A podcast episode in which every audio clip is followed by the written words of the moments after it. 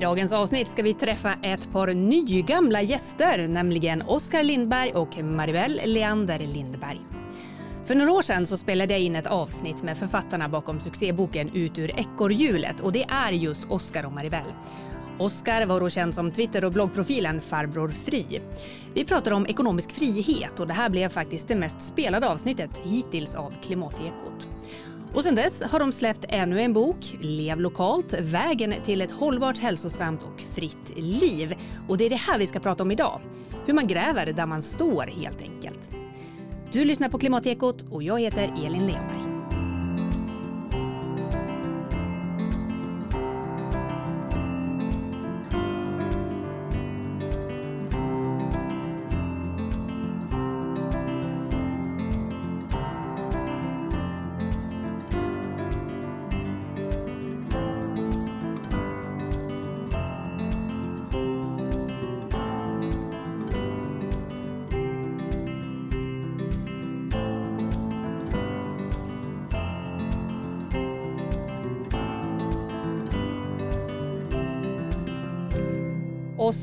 Maribel, så himla roligt att ha er tillbaka i Klimatekot igen. Hur har ni haft det? Jättebra. Bra. Kul att vara tillbaks. Ja. Det var några år sedan nu. Ja, tiden går. Vad gör ni nu för tiden då? Allt möjligt skulle jag säga. Ja, nej men vi, eh, som du sa så har vi hunnit skriva en bok till sen, sen sist och sen så, eh, ja, vi, vi, vi lever vårt, vårt liv här i Leksand eh, och eh, jag har på en massa pluggat saker. de senaste två åren, eller Mm. ja, det här året och förra året. Vad har du pluggat då? Eh, Jag har läst på Leksands folkhögskola. Eh, Första året så läste jag designprogrammet där. Och eh, nu i år så läser jag kreativt entreprenörskap. Vad spännande. Jättespännande och jättekul och jättebra på alla sätt. Vad har du för tankar med det sen då? Gör du det bara för att det är roligt eller är det någonting som du Ehm, vill jobba med eller vad är tanken? Ja, men när jag började så, designprogrammet som jag gick, det har ju alltid liksom funnits inom mig och jag ville ta det lite, ta det vidare helt enkelt. Eh, fick jättemycket bra erfarenheter från det. Sen när jag började i höstas på kreativt entreprenörskap så var min tanke att utveckla den biten då som har mer med design och layout och färg och form och så. Eh, sen nu under det här året så har jag ju fått så mycket bra verktyg och eh, kanske insett också att jag vill fortfarande ha den här designbiten kvar, men det kanske kommer se lite annorlunda ut. Eh, och sen har vi ju böckerna och sådär också som har blivit en del av vårt företagande. Så att, eh, ja, vi får se vart det, vart det tar vägen. Just det. Vad pysslar du med på dagarna då, Oskar? Ja, lite av varje ska jag säga, men eh, det, det som jag tror att jag pratade om redan sist vi hördes var ju att jag har ju vikarierat en del i skolor och så. Jag tycker det är kul att hoppa in ibland och göra någonting förutom det här skrivandet och så. Men sen sist har jag också fått möjlighet att skriva lite som en extra resurs för vår lokaltidning här, Silja News. Och det är också ett sånt där intresse som, som, som jag trivs väldigt bra med att få, få göra lite mer av. Och, eh, så att skrivandet har, har fortsatt, men det är lite mindre blogg och lite mer lokalnyheter nu. Ja, men sådär. Men hörni, eh, det är ju nog många av våra lyssnare som redan har hört er tidigare eh, när vi pratade om ekonomisk frihet. Men samtidigt har vi väldigt många nya lyssnare som nog inte har hunnit lyssna in sig riktigt. Jag tänker att ni ska bara väldigt kort få börja liksom med att berätta hur er resa började. För det började ju just med ekonomisk frihet. Mm. ja, alltså det började ju, nu, nu är det ju, ja, nu under våren här så är det egentligen eh, 11 år sedan, eh, 2011, eh, när vi eh, tillsammans med våra två barn bestämde oss för att, eh, eller vi åkte iväg och, och spenderade mm, åtta månader i Mexiko. Eh, och där, under tiden där så fick vi liksom en försmak på hur vi kanske ville att livet egentligen skulle se ut. Det hade börjat bli rätt mycket av ett ekorrhjul hemma med två barn och hämtningar och lämningar och två heltidsjobb och allting sånt. Och där i Mexiko så fick vi, vi levde enklare men samtidigt hade vi tid för oss själva och tid med familjen och, och allting sånt. Och då föddes någon slags idé om att livet skulle kunna se annorlunda ut. Um, och sen tog vi utifrån vår startpunkt beslutet att spara oss till den friheten mm. eller spara oss till att kunna ha det livet som vi, vi, vi ville ha. Uh, sen, sen, senare när vi har börjat skriva böcker och börjat forska och kanske tänka lite vidare så har vi också identifierat att det finns flera andra vägar att ta sig till ekonomisk frihet. Men det var liksom den vägen som vi såg då. Mm. Vilka vägar är det då som du tänker på? Ja, alltså jag tänker att extremsparande är ju en, en väg eh, och motsvarigheten för någon som är mer entreprenöriellt lagd är ju kanske att starta något företag som man sen säljer eller liksom med, med tanken att, att det går att föra över till någon annan längre fram. Men sen finns det ju också vägar som en, en som kallas för unworking, alltså att du jobbar någon slags frivillig deltid du drar ner dina kostnader så pass så att du kan jobba mindre med ett jobb som du kanske trivs med, men sen får du också tid för att utveckla andra delar av ditt liv. Eller något slags livsstilsföretagande där också nyckeln blir att kanske inte behöva dra in maximalt med pengar hela tiden utan att du kan syssla med, med någon form av intresse eller eh, någonting du är riktigt duktig på, eh, men liksom inte hela tiden så att det även finns, finns möjlighet till annat. Och vi tror ju att eh, vi tror ju att det är liksom någon slags smart sparsamhet som är vägen till alla de här. Sen vilken som är bäst för vem beror lite på. Vi har försökt analysera det också kanske mm. lite mer i den nya boken. Att, alltså, hur ska du välja väg? Vilken passar mig? vi kanske ska säga också att från när vi startade där 2011 och vi gick ju den här extremsparvägen. Det tog oss drygt sex år innan vi var klara med att ja, men nu kan vi faktiskt leva på det kapital som vi har. Men eh, det började ju som ett rent, liksom, vad ska man säga, ekonomiskt intresse att vi ville ha de här pengarna. Men sen så kom det ju många erfarenheter på vägen och den som främst mejslades ut liksom på vägen var det här med att leva lokalt och vilka vinster man kan göra med att också leva sparsamt med de resurser som vi har. Eh, så det är ju det som mynnade ut i den andra boken, mm. Lev lokalt. Eh, och faktiskt att både miljö och ekonomi går ju ofta hand i hand och det var ju någonting som vi upptäckte på vägen. Det var ju inte tanken från början, men det kom eftersom. Eh, så att vi gick ju liksom från att ha två bilar till att idag ha en bil. Idag går vi och cyklar till det mesta och sådana saker och vi slutade konsumera, ja, slutade ju inte helt, men vi gick ner ganska mycket i våra konsumtionsvanor också. Så att eh, det är någonting som har varit en väldigt positiv effekt av, av det hela. Mm. För just det intresset, det, det, det, var inte det som drev er från början, utan det var ju Nej. att ni inte skulle behöva jobba, visst var det så? Ni tänkte Precis. från början? Absolut, att vi tänkte att vi, vi, vi hade aldrig tanken att vi skulle inte göra någonting. Men tanken var att, att det arbete som vi valde att göra skulle vara mer drivet av intresse. Eh, och då så skulle vi spara oss till det och så räknade vi helt enkelt på hur mycket pengar behöver vi mm. för att kunna hoppa av och hamna i den situationen. Eh, men sen på köpet så upptäckte vi ju att den här nya livsstilen var ju Eh, både, liksom, det, det, var ju högre kvalitet i den också. Det var ju inte att vi, vi plågade oss själva. Och så fick vi också när vi, när vi började konsumera mindre och, och drog ner kanske på farten i, i det här ekorrhjulet så eh, kanske man hade lite tid att reflektera lite mer och då blev ju de här eh, hållbarhetsfrågorna och även vår egen hälsa, alltså mm. någon slags personlig hållbarhet i vår egen hälsa och sånt blev mycket viktigare. Eh, och, och så, så, det kom i efterhand. Jag, det, det, det, finns ju andra personer där det känns som att man kanske har börjat i andra änden, men, men dragit ungefär samma slutsatser. Det har ju vi upptäckt också när vi har liksom, när vi pratar om det här och berättar om våra böcker och sådär, det kommer ju från människor från olika håll. Eh, för någon kanske det har varit hälsan där man har liksom dragit i nödbromsen och sagt att så här vill jag inte leva liksom och har hittat till oss då. Eller så kan det vara just det här eh, klimatperspektivet där någon också inser att men så här kan vi ju inte heller leva. Så att eh, det, det känns som att många av de här bitarna går hand i hand. Mm. Um. Mm. Vi ska prata mycket mer om det här snart också, men jag tänker först så här, eh, hittills då, nu har ni haft ett antal år där ni har varit ekonomiskt fria och eh, ni har upptäckt eh, vilka andra effekter det här ger. Eh, har det blivit som ni har tänkt er?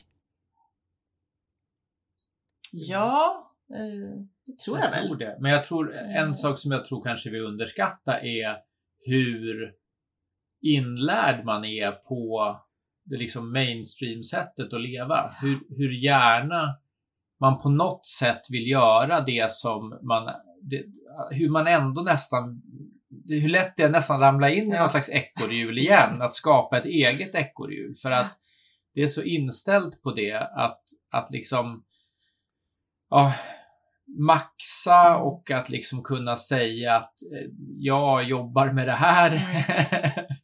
eh, och att vi nästan hela tiden får passa på oss själva att vi inte, vi inte hoppar in igen. För det finns en sån stark ström eh, i samhället. Jag tror att vi vid, vid, vid flera tillfällen har fått justera vår riktning eller vad man ska säga just av den anledningen att det är ändå lite på tvärs. Eh, Och vi ska inte skylla på andra heller, för Nej. det är lite grann vi själva också som...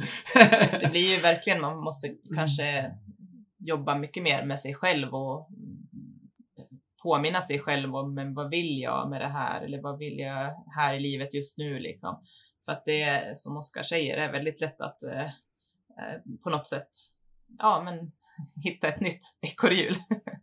eh, mm. Mm. Och jag tänker att era barn har ju blivit äldre nu också. Mm. Det är ju en sak när man är småbarnsförälder och man kanske har den här väldiga känslan av att jag räcker inte till, jag måste finnas där för eh, den här lilla krabaten så att säga. Men när barnen växer upp och blir lite äldre och kanske inte vill hänga lika mycket med er, hur Mm. tänker ni då kring den här tiden som ni har frigjort? Mm. Nej men det har vi ju märkt, liksom, det har ju förändrats med att de har blivit äldre. Oskar sa att de var två då 2011, nu är de ju tre barn då och alla är i skolålder.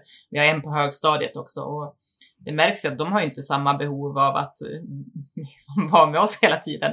Eh, så att, ehm, och det, men det har förändrats på så sätt kanske att vi vi är ju delaktiga fortfarande i deras liv, men kanske på andra sätt. Liksom. Vi kan hänga med på deras aktiviteter eller vara delaktiga i deras eh, eh, i föreningslivet kanske. Eller, eh, ja, vi känner väl också att vi tar oss tiden och sitta med dem och göra läxor och sådana bitar.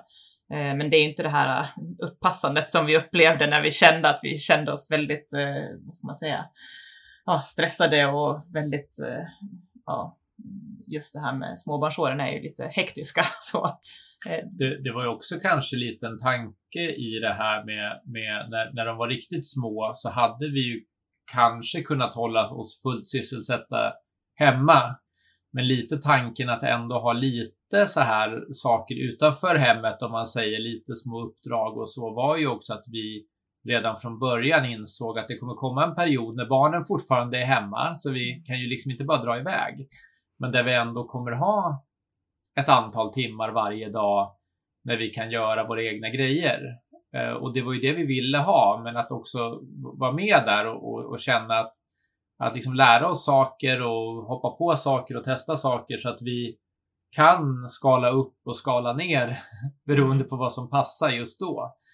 Eh, då, då kan man ju inte så att säga spendera hela dagarna med eh, man kanske inte kan liksom sitta hemma och titta på jag har tagit som exempel sitta hemma och titta på dokusåpor hela dagarna och sen tro att den dagen när man vill göra någonting så finns det någonting där att göra utan vi, vi har ju alltid velat göra olika saker, mm. tänker jag också. Hur ofta känner ni det här då att ni är på väg tillbaka in i ekorrhjulet? Det är väl inte jätteofta. Men det kan snarare handla om att eh, kanske eh, om vi helt plötsligt upptäcker att ja, men eh, där man kanske inte har varit i så många sammanhang just där och då, att man känner att oj, men ja, jag kanske ska hitta något så här 50% jobb eller du vet, lite sådär att man börjar tänka i de banorna. Men det handlar kanske snarare om att man inte eh, har gjort upp riktningen helt klart för sig vad man vill göra det året eller hur, hur man vill att det ska se ut. Ja. Eh, Ja, men det är liksom kanske att man också känner att, att man kanske måste beskriva det man gör i någon form av termer som, ja, som något slags företagande och då när det är ett företagande så är det lätt att ramla in sen på att men då ska ju företagets, jag vet inte, omsättning växa eller någonting. mm, Men företaget finns ju inte för det. Företaget finns ju för att göra liksom lärorika, spännande saker. Eh, Sen ska du inte förlora pengar, men det finns liksom inget tillväxtkrav. Men det är ändå lätt att hamna där på något mm. sätt. jag ska inte säga att vi, vi har liksom inte åkt av och åkt i diket helt, men vi har varit lite på väg mot diket och svängt tillbaks, om man säger så. ja. Ja, för ja. man har ju ändå hela samhällsnormer och eh, hur alla andra ja, och sen gör. Så har man, och sen så har man gått i skolan en massa år. Man har på något sätt lärts upp för att gå in i arbetslivet och sen så har man jobbat i sammanlagt 10-15 år innan vi klev av och då ska man ju inte, liksom, man ska inte underskatta att man ändå har kört upp någon slags väg. Eh, samhället har en väg, men man har också kört upp någon slags sätt att tänka själv. Eh, och ibland Det är liksom så inrutat hur liksom livet ska se ut och du ska göra liksom karriär och den ska se ut så här och liksom, och när man inte passar in i den modellen så börjar man ju kanske ifrågasätta det som, det som man själv gör liksom. Eh, men så inser vi att men vi vill ju inte bara där, vi vill ju inte vara på en sån plats. Så att eh, så det är väl kanske eh, snarare i den, den bemärkelsen. Så. Ja. Ja. Vad skulle ni säga att ni har fått för, alltså vad är de bästa värdena ni har fått då, liksom, i livet? Genom att leva på ett annat sätt? Alltså den, den stora grejen är ju att, att vi kan Alltså den stora grundbulten är ju att vi kan äga, alltså vi kan äga vår mm. tid så att vi kan prioritera och prioritera om. Vi kan liksom alltid vi är nog båda två så att har vi lovat att vi ska göra någonting, mm. då ser vi till att genomföra det och få det gjort. Det är inte så att vi har liksom skrivit ett kontrakt med förlaget om att vi ska skriva en bok och sen så orkar vi inte. Mm. Men däremot när det blir diskussion om att göra någonting nytt, att ta på sig nästa uppdrag, så kan vi liksom välja bort. Uh, och det där är väldigt skönt, men det är också något man får återigen tillbaks till det här, det är någonting man får lära sig för att det kan väldigt lätt bli så här att nu har jag gjort ett uppdrag, nu gör jag nästa och nästa och nästa och nästa. Eh, och den insikten har väl liksom fallit ja. ner lite grann. Sen också kanske att verkligen känna att ja, men jag gör det jag vill göra här och nu. Och att eh, jag har ju liksom bara den här tiden på jorden. Och känna det att ja, men jag har gjort, skapat, vi har skapat oss det här för att vi ska kunna använda det, den tiden så som vi vill använda den. Och det är väl en, det är en väldigt härlig känsla. Det vi pratar om, det är också därför vi tycker att den här äh, lev lokalt som har blivit våran princip liksom är, är viktig för vi använder ju den både rent liksom geografiskt, att man ska leva lokalt och se vad man har runt omkring sig, men också att man ska välja liksom närliggande och enkla lösningar. Vi, vi märker att man när, när, man, när man blir lite så här och, och det blir vi också ibland lite missnöjd med någonting, så är det på något sätt, om det nu är i vår mänskliga natur eller om det är mm. någonting med den moderna människan, men man söker gärna lösningarna långt bort och mm. stora förändringar. Eh, och vi har väl kommit till insikt att det nästan alltid finns en ganska närliggande och enkel mm. lösning. Eh, och, och, där finns det så stora vinster att göra för då kostar det inte så mycket pengar, det tar inte så mycket tid och man löser liksom det på riktigt. Istället för att långt bort liksom på något sätt fly. Det blir snarare, många av de här lösningarna som ligger lite längre bort blir mer att man flyr problemet istället för att lösa det. Kan du ge något exempel på, på en sån här situation? Ja, alltså det kan vara alla möjliga eh, saker som att det är jämnt liksom kaos. Jag tror jag har skrivit i boken att det är jämnt kaos i hallen. Eh, och då tror man att vi måste renovera hela, vi måste liksom riva ut och bygga om. Men egentligen är det att man behöver hänga undan alla kläder som inte ska vara där och så behöver man sätta upp tre nya krokar och så är det löst liksom. Eh, eller eh, du är inte så nöjd med utemiljön. Men det som saknas är en skön, något skönt ställe att sitta på. Du behöver liksom inte bygga om hela huset. Det är liksom... Vi hade det också finns... det här med arbetsplats och kontor var vi lite inne på. Att ah, men vi kanske skulle hyra oss ett kontor någonstans liksom, så vi kan sitta och du vet. Ja, för att vi såg liksom att det skulle vara så bra för oss. Men egentligen löste det sig ganska bra genom att fixa en arbetsplats i källaren som jag har och eh, en arbetsplats som, som Oskar har i huset. Men det fanns ju redan ytorna här hemma. Och sen när vi känner att vi vill ha ett kontor, då kan vi gå till biblioteket eller så går vi till någon av kaféerna här i Leksand och så sitter man där några timmar och har fått liksom det här som vi kände att vi behövde. Så att det kanske inte är liksom lägga till eh, tjänsten där är också problemet så, Där är också problemet så att om du, om du då säger att du hyr det där kontoret, då har du helt plötsligt kanske byggt upp en, en kostnadsnivå mm i företaget som gör att ja, men då måste du ju hela tiden, då, då, är det ju så att då måste du ju göra x antal uppdrag i månaden först bara för att komma ikapp och betala kontoret. Då säger inte jag att man aldrig ska ha ett kontor, men man måste ändå ta de tankarna. Mm. Vad är det som egentligen ger störst frihet och vad är det som egentligen är, är vårt mål med det hela? Mm. Ni pratar ju också i boken om, alltså just när man pratar om hemmet sådär att när ni fick fler barn och de blev större och sådär att eh, det började kännas lite litet och att ni kanske bor mindre än många andra ute på landsbygden så. Eh, men att ni valde att väggarna ska stå, få stå kvar, ytterväggarna ska stå kvar intakta liksom. Hur har ni tänkt där liksom, mm. med, att, med eran boyta? Det där är ju någonting som vi också funderar mycket på. Vi brukar prata om kreativitet innanför boxen. Att det gör oss eh, mer kreativa för att vi får hitta lösningarna inom det vi redan har. Och eh, våra, vi har ju tre barn och två av dem delar ju rum. Men nu har vi ju en tonåring som har börjat prata om att han vill ha ett eget rum. Och då eh, har vi ju tänkt så, ja men hur ska vi lösa det? För vi har inget extra rum. Men däremot har vi ett vardagsrum som har som en liksom, ett ganska stort vardagsrum med en extra del.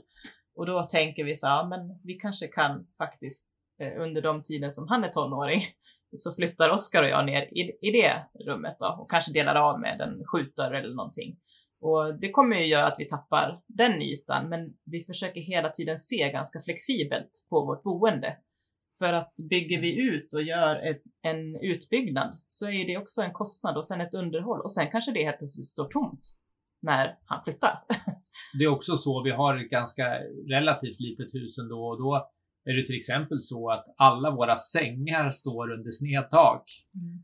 Eh, så att det var så på några ställen redan innan, men sen så har vi utvecklat det ytterligare så att det är såna här små saker som ändå gör att helt plötsligt så finns det mer golvyta. Eh, så vi har byggt vidare på, på, på det också. Så det är mycket sådana där små saker. Vi har, du har ju ditt kontor i källaren nu. Mm. Förut var det ju fullt med massa kartonger som vi knappt ja, visste var... vad det var i dem. Men genom att rensa ut dem så blev det en jättebra arbetsyta. Eh, och så kan vi ha de sakerna som vi måste ha kvar där nere också i lite skåp. Men, men generellt så är det en jättebra arbetsyta nu. Eh, men det är så lätt att tänka att nu är det trångt, nu ska vi bygga ut. Mm. Ja men, men precis, och så all, med, med, alla grejer, det skriver ni ju en hel del om i boken. Eh, och om man tittar på, tittar på exempelvis Facebook, alla de här grupperna, det bara exploderar ju med grupper mm. med människor som vill rensa i sina hem. Mm. Hur tänker ni kring det där, kring alla prylar som vi har och bär med oss och införskaffar oss?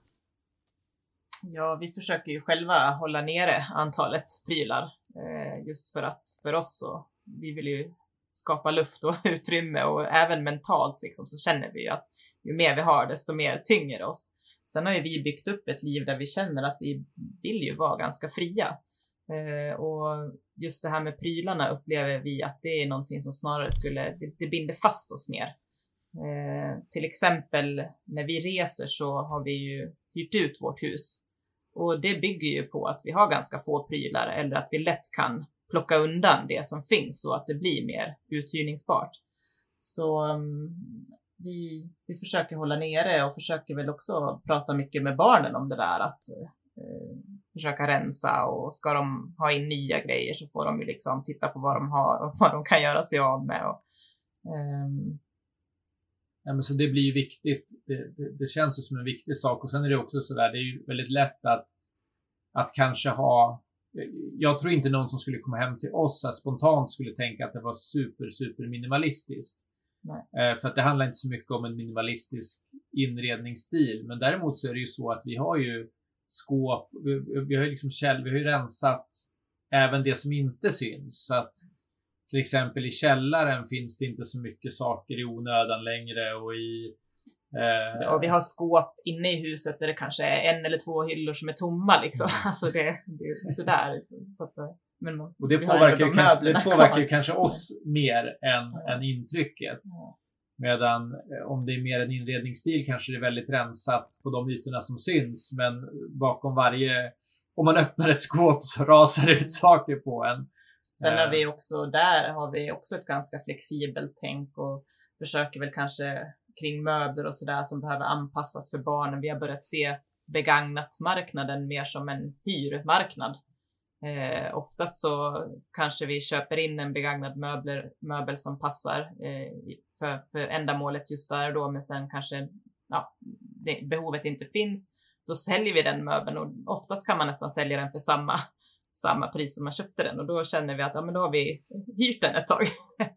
eh, Och ibland så är det ju så att det är någon grej som man får ge bort. Men Ja. i så fall är ju det helt okej också för du slipper ha den när den inte har något, något syfte längre så, så, så, så kan den passera vidare till någon annan som har bättre nytta av den. Mm. Det är ganska häftigt det här. Liksom, väldigt många som gör en sån här resa landar ju i ungefär samma slutsatser. Precis som ni var inne på innan, att det blir billigare, eh, det blir mer ekologiskt hållbart ofta, eh, mindre konsumtion, man får mer tid, man blir liksom eh, gladare ganska ofta. Eh, och just där, nu säger ni att okej, ni har inte gått all in på minimalism, men det är också en del i det här, liksom, att, ha, att ha färre grejer, att, att eh, ta hand om och liksom, runt omkring sig och intryck och så vidare. Ehm, hur, hur, vad, vad tänker ni, liksom, hur, hur hänger allt ihop för er? Vilka steg eh, gick det? Liksom?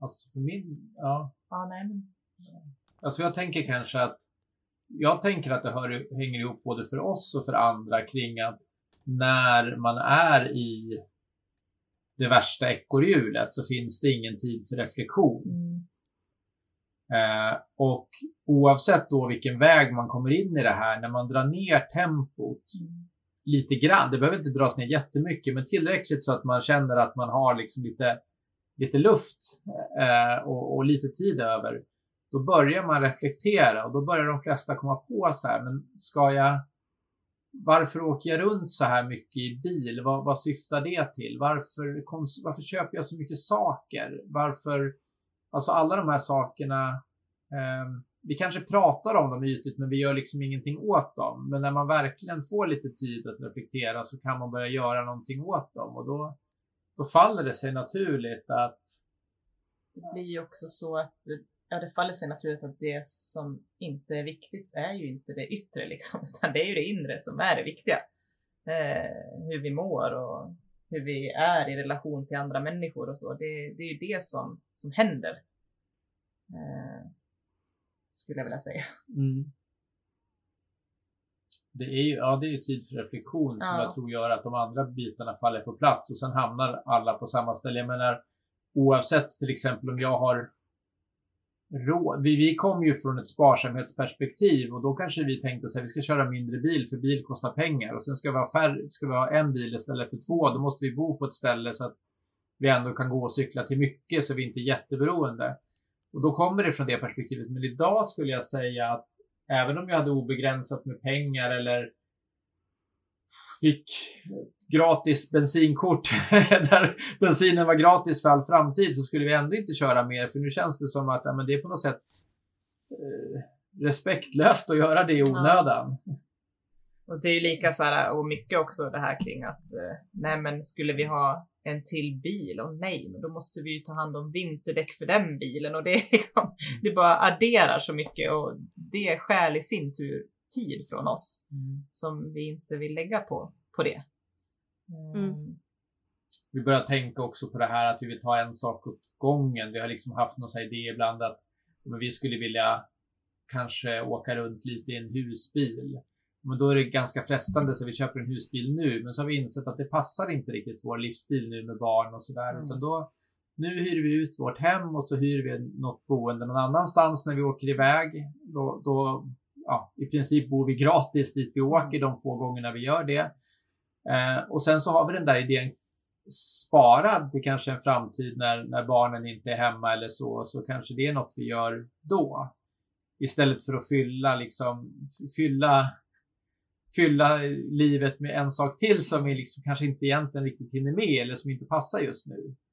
Eh, så det är också en del i det här reflekterandet att liksom egentligen lite liknande som du sa med möblerna, Maribel, liksom att, att vi eh, vi ser det mer över tid och att var sak har sin tid och just nu tar vi in precis det som vi behöver för att livet ska vara bra här och nu.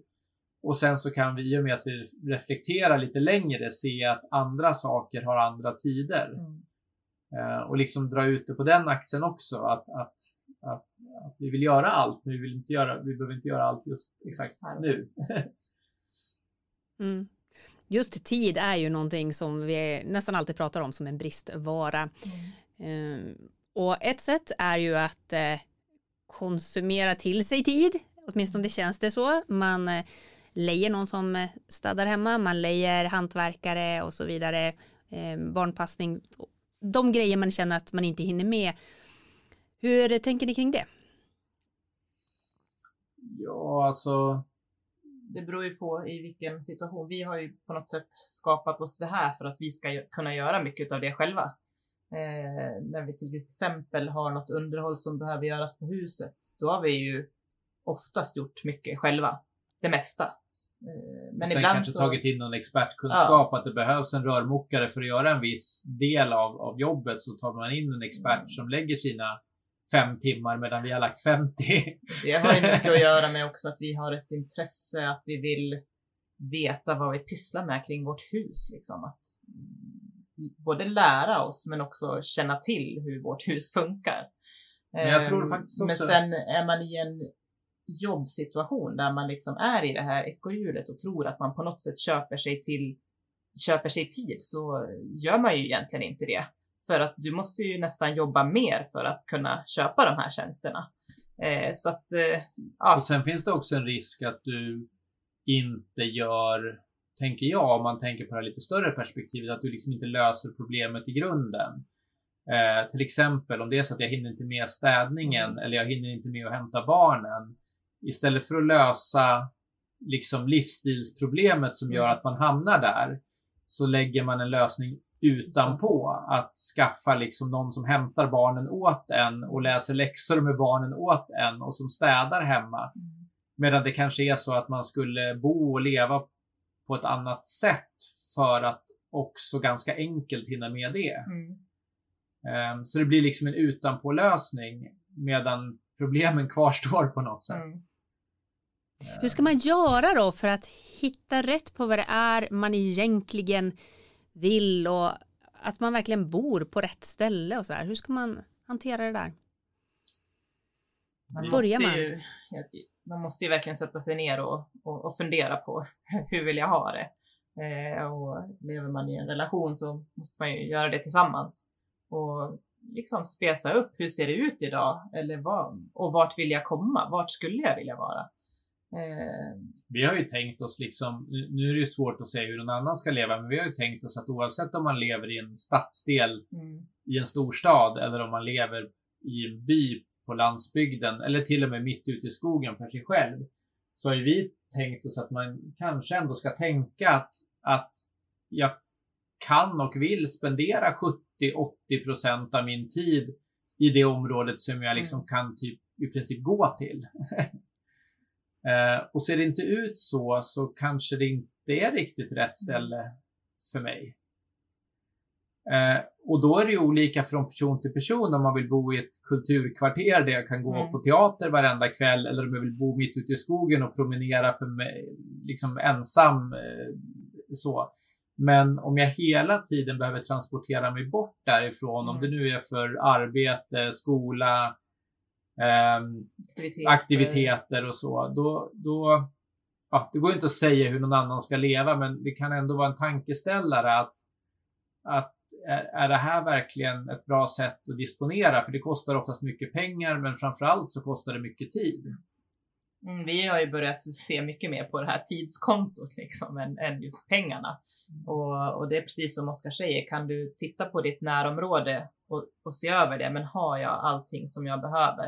I mitt närområde? Har jag liksom utflyktsmål? Har jag det som jag vill göra på mm, mitt jobb? Är det på gångavstånd eller cykelavstånd? Barnens skola, måste jag transportera mig långt bort för att de ska gå i skolan? Det kommer ju en tid också när de kanske börjar röra sig fritt och sådär. Det går, det går ju två vägar också det där, för det är ju en del att kanske bosätta sig på rätt ställe där man på något sätt kan integrera det där. Mm. Det kan ju också handla om vad man jobbar med, liksom kan jag jobba på distans? Det finns ju massa sådana saker. Och sen finns det ju en annan del också, är så här hur, hur bygger jag det samhället som mm. jag bor på? Är det så att det inte finns några fritidssysselsättningar? Jag trivs jättebra här, men det finns inga fritidssysselsättningar för barnen. Ska jag tillsammans med några andra starta ett fotbollslag mm. då? Eh, liksom ska jag flytta till ett ställe där det finns ett fotbollslag eller ska jag starta ett fotbollslag eller en teaterförening eller vad det nu än är? Eh, eh, det, det, det, är ju två sidor på myntet. Liksom. För det är också jag... så här, det, det kanske inte alltid är att man ska flytta någonstans utan det handlar mycket om att skapa sig platsen. Eh, och titta på, på hur det ser ut idag, vad skulle jag önska mig och kan jag skapa någonting utav det här? utnyttja. Jag vet inte, det är många ställen. Här i Leksand har vi ett sånt här lokalt reklamblad där man ser vad som är på gång. Mm. Liksom, har man verkligen kikat igenom och tittat att vad, vad det är som erbjuds, om det nu är aktiviteter oavsett om det är kyrkan eller om det är konserter eller om det är um, sportaktiviteter och så har man uttömt dem här. Om vi, som för oss nu i Leksand, som är liksom en mediankommun i Sverige, har vi uttömt alla möjligheter som finns här innan vi börjar titta på ställena som ligger timmar bort? Um, där, tror jag, där tror jag vi som överlag är lite dåliga på det. Mm. Faktiskt. Det här var nog kanske någonting som många upptäckte just nu under pandemin också. Mm. Mm. När man inte kunde resa. Att mm. man var tvungen att titta lite mer lokalt och vad finns det här? Ja. Absolut. Och det finns det, någon, det är ju någon cirklar nya... också. Vad sa du? Jag sa att det är ju cirklar också, liksom att, att lokalt kan ju både i, i något sammanhang kan ju det betyda liksom vad jag kan gå till. I något annat sammanhang, kanske när det är semester, då kan ju det gälla att man tittar på vad finns i Sverige. Det finns ju liksom olika nivåer. Ja. Beroende på om det är något man ska göra varje dag eller en gång om året. Ja, men precis. Men jag tänker så här, eh, om man då är fast i det här ekorrhjulet, eh, man känner att jag vill göra någonting, men jag vet inte hur ska jag ta det här steget? Det är ett ganska stort steg att bara flytta helt plötsligt eller säga upp sig från jobbet och det har många inte råd med heller att bara hux flux säga upp sig och kanske inte ha någonting annat. Eh, vart börjar man? Alltså hur, hur, hur tar man de här stegen liksom, för att komma igång? För oss, eller jag skulle säga att det som har varit en nyckel för oss är framförallt att vi har satt oss ner och funderat mm. på vad vi vill. Mm. Eh, så två gånger per år i över tio år nu så har vi satt oss ner och funderat på vad, var vill vi någonstans och då är det ju både på kort sikt, vad vill vi göra det närmaste året, men också liksom på lång sikt, eh, var, var vill vi vara då? Mm. För att där är det ju också så att man kanske tänker att ja, men då måste jag säga upp mig nu. Mm. Men det kan ju snarare vara så här, ja, men jag känner att det här funkar inte. Jag kanske skulle vilja flytta och jag kanske skulle vilja jobba med någonting annat. Eh, på, på sikt så kan ju de flesta åstadkomma det. Men på kort sikt så kanske det är att ja, jag drar ner på mina utgifter på, i, på, på x antal sätt. Och däremot, därmed får jag liksom lite, lite utrymme um, och då ökar mina valmöjligheter, mm. tänker jag. Och så vet jag vad det syftar till i längden så att jag liksom känner att ja, men det, händer, det händer inte så mycket nu, men alla de här små stegen som jag gör nu leder till någonting på sikt. Så att mm. det inte mm. känns man får inte liksom, man får inte, man ska inte tro att det ska hända över natt heller, för att det har inte gjort för oss heller liksom. Det här var ju en, en förändring som skedde över tid. Jag menar, vi började 2011 och det vi började med då var att spara pengar liksom. Vi tänkte inte så mycket mer på det. Eh, men sen så ska man ju se att alla de här små stegen som man gör i vilken riktning det nu än är, så kommer ju det leda till att det frigörs kanske utrymme någonstans eller, det, eller att man får ihop lite mer pengar till någonting. Så att eh, jag tror man ska se det liksom både över tid och ha lite tålamod. Och... Man tar liksom bort en utgift och man tar bort en aktivitet så har man helt plötsligt lite mer tid och lite mer pengar. Ja. och så öppnar det liksom till nästa. Det, det, det, ger det där som vi sa att det är inte från att ekorrhjulet snurrar alldeles för mycket att till att det, om man bara hoppar av det, då kanske man slår sig. Utan det kanske är så att det lugnar sig lite grann med, med några små enkla saker. Vi har ibland liknat det vid en promenad. Liksom, du kan ta dig ganska långt eh, genom att promenera i en lugn takt liksom. Eh, och, och så har, har det varit för oss. Eh, skulle det vara att man skulle bara rusa mot ett eh, maraton, liksom, då är kanske man är helt slut efter det och, och, och, och man ändå inte fått ut det man ville. Utan jag tycker man ska se det över, över tid och att de här små förändringarna som man börjar göra kan, eh, kan göra väldigt mycket. Och då måste man ju också kanske börja titta på vad är det som jag skulle kunna förändra här Jag i tror- mitt liv. Jag tror att det är mänskligt också rent generellt att vi överskattar vad vi kan göra på en vecka och vi Mm. underskattar vad vi kan göra på fem år. Mm. Eh, Och då blir vi besvikna för att vi överskattar, vi, vi sätter för högt mål på en vecka och så misslyckas vi med det och så ger vi upp. Eh, Men om vi istället sätter ett lägre mål, ett ganska re- rejält lågt mål som vi kan uppnå bara imorgon eller på en vecka, så kommer det, det tillsammans med målet nästa vecka och nästa vecka och nästa Mm. vecka nå så långt så att vi knappt ens kan drömma om vad, det, vad vi kommer på fem år. Eh, Så det är ju mänskligt, det är inte bara vi och det är Nej, inte och bara det kanske våran- också har att göra med hur samhället ser ut. Vi vill gärna se liksom de här wow-effekterna på en gång liksom. Men och det här med att kanske leva långsamt och ta det liksom i sin takt, det, det på något sätt har blivit lite så här mindre, mindre värt i det samhälle vi lever. Men för, för oss så tycker vi att det här, det, det funkar mycket bättre. Eh, och det gör också att du kan kanske känna dig mer nöjd och tillfreds med vad du, vad du väljer. Eh, För att det är inte några förhastade beslut och det är inte bara att köra på, utan det är någon slags långsam förändring. Mm. Mm. Ni pratar om att man ska skaffa sig en vardag som man inte behöver ta semester ifrån. Mm. Ja, det är liksom slutmålet. Är ni där? ja, det tycker jag. Ja, jag, jag skulle nog säga faktiskt att nu ska vi snart eh, om en knapp månad åka till Mexiko för första gången på ganska många år eftersom det har varit pandemi och så. Eh, och då känner jag så här att vi, vi ser liksom jättemycket fram emot det. Men jag vet att när vi är där så kommer vi också lite grann se fram emot vårt liv hemma. så det är inte det att vi inte vill göra andra saker eller åka iväg på saker, men vi tycker att det är samma samma kvalitet eller vi ska säga i vardagen. Mm. Mm, just det där med kvalitet i vardagen, det, det, det känns liksom att, ja, men att man, kan, man kan ha det liksom och att man kan ta det lugnt och man kan, vi kan laga en god middag liksom mitt i vardagen utan att det känns som ett ja, stressmoment. Hur märker de runt omkring er att ni lever mer lokalt? Vad var det? det? Du har- fått lite kommentarer ibland på att vi jämt går och cyklar. Ja, ja men du som jämt cyklar, eller det är lite sådana grejer. Ehm, Och sen så, eh, vi genomför ju en del, vi gör ju en del jobb på huset och sådär och då är det ju inga sådana här äh, världsomvälvande saker utan det är ganska små förändringar och de tar lite tid och sådär och det är nog en del som, som, som ser det liksom som eh, jämför hur de, hur de själva gör. Eh, det kan jag tänka mig. Sen att vi nästan alltid när vi är lediga så är vi i Leksand oftast. Eh, Mm. På helger och sådär. Vi åker ju inte iväg liksom utan på vinter, vintertid så är vi i våran hemmabacke mest liksom och åker skidor där. Eh, och på, på sommartid så är vi väldigt mycket på våra de idrottsanläggningar som finns Ja, då är det och håller oss kring barnen, att- barnen spelar matcher och det är andra matcher Ja, och det är olika då aktiviteter. Har vi väl vi- liksom, tycker vi om att hänga lite där och man köper någon fika i kiosken. Och liksom. vi, vi, vi drar inte iväg på så mycket. Är det här en livsstil som provocerar eller som inspirerar tror ni? Eh, vi hoppas ju att den inspirerar. Eh, de som kanske följer oss på ja, våra konton och våran blogg och sådär, de, de hör ju av sig och har blivit inspirerade. Men sen så kanske det är, eh, det kanske är någon som blir provocerad också, men jag tror kanske snarare att det är en del som kanske är lite nyfikna men inte vågar fråga lite sådär, kan jag uppleva Ja. ibland. Eh, Sen är det kanske också lite så här, ur, ur, om man tänker hur det ibland kan se ut i, i, med personer som uppmärksammas i media och gör livsstilsförändringar och sånt så kan, skulle man ju kunna säga att vi är provocerande vanliga.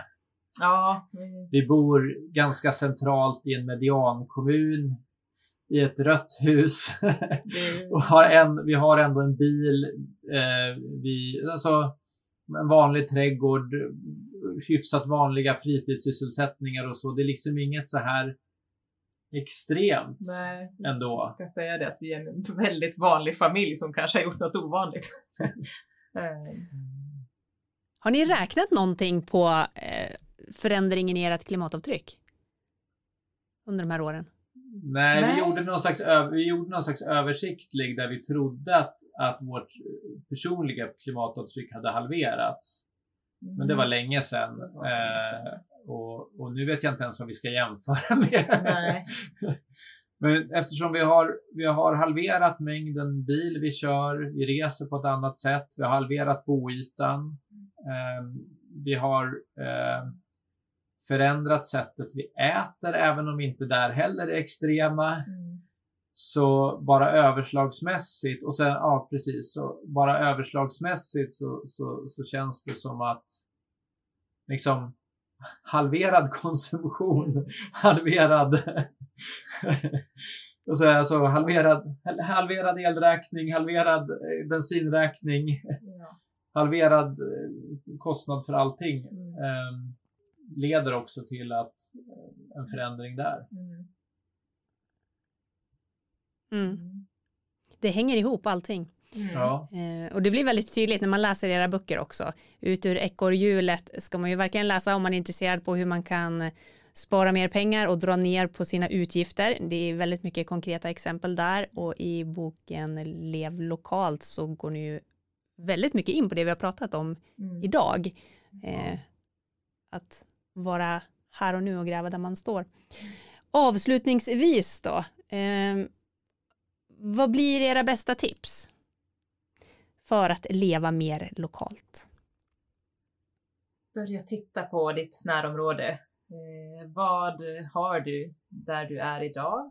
Vad önskar du dig? Och kan du skapa någonting utav det du önskar dig? Kanske. Mm. Eh, Och sen i den här överförda bemärkelsen när det gäller liksom eh, andra saker som att hitta de närliggande lösningarna. Att, att sätt en begränsning. Vill, vill du åstadkomma en förändring? Är du missnöjd med någonting? Så, så, så, så sätt en begränsning i om det nu är budget eller utrymme eller någonting och försök att åstadkomma en förändring där. Nå, någonting som du kan göra, ett litet steg som du kan ta imorgon. mm. Eh, snarare än det här stora steget som kanske stannar vid en dröm eh, om att om tio år ska jag, men det finns liksom ingen, ingen plan dit. Eh, men det är ju lika delar, ja, för, först liksom komma fram till vad drömmen är, men sen är det ju lika delar att, att uppskatta sin plats och att skapa sin plats eh, som, som är viktig. Jätteroligt att få prata med er igen. Vi får göra någon liten check-in igen om några år. Se vad Ja, som har hänt då, vad ni jag. har upptäckt Se då vad för någonting. hänt. Ja. Ja. Eller hur? Precis. Ja. Om ni är tillbaka i ekorrhjulet igen eller vad som Ja, händer. vi med får se. Precis. Eh, ni kanske också har lust att hålla ett öga på gruppen Klimatekot Lev hållbart på Facebook. För då kan våra lyssnare gå in och ställa lite frågor och så Ja. Spännande. Ja, kan det hända att man kanske kan få lite svar från er. ja, Om det kommer några absolut. frågor om man taggar er. absolut. Absolut. Ja. Det Mm. hade ju varit helt lysande. Nu finns Så vi är ju inte- på Facebook också som enkelboning. Ja, vi är inte Ja. lika duktiga på, på det kontot, men vi försöker. Vi lägger i alla fall ut eh, blogginläggen där. Ja, just det. Och det, går, och det går åtminstone att tagga oss så Ja. att vi ser att man om man kommenterar.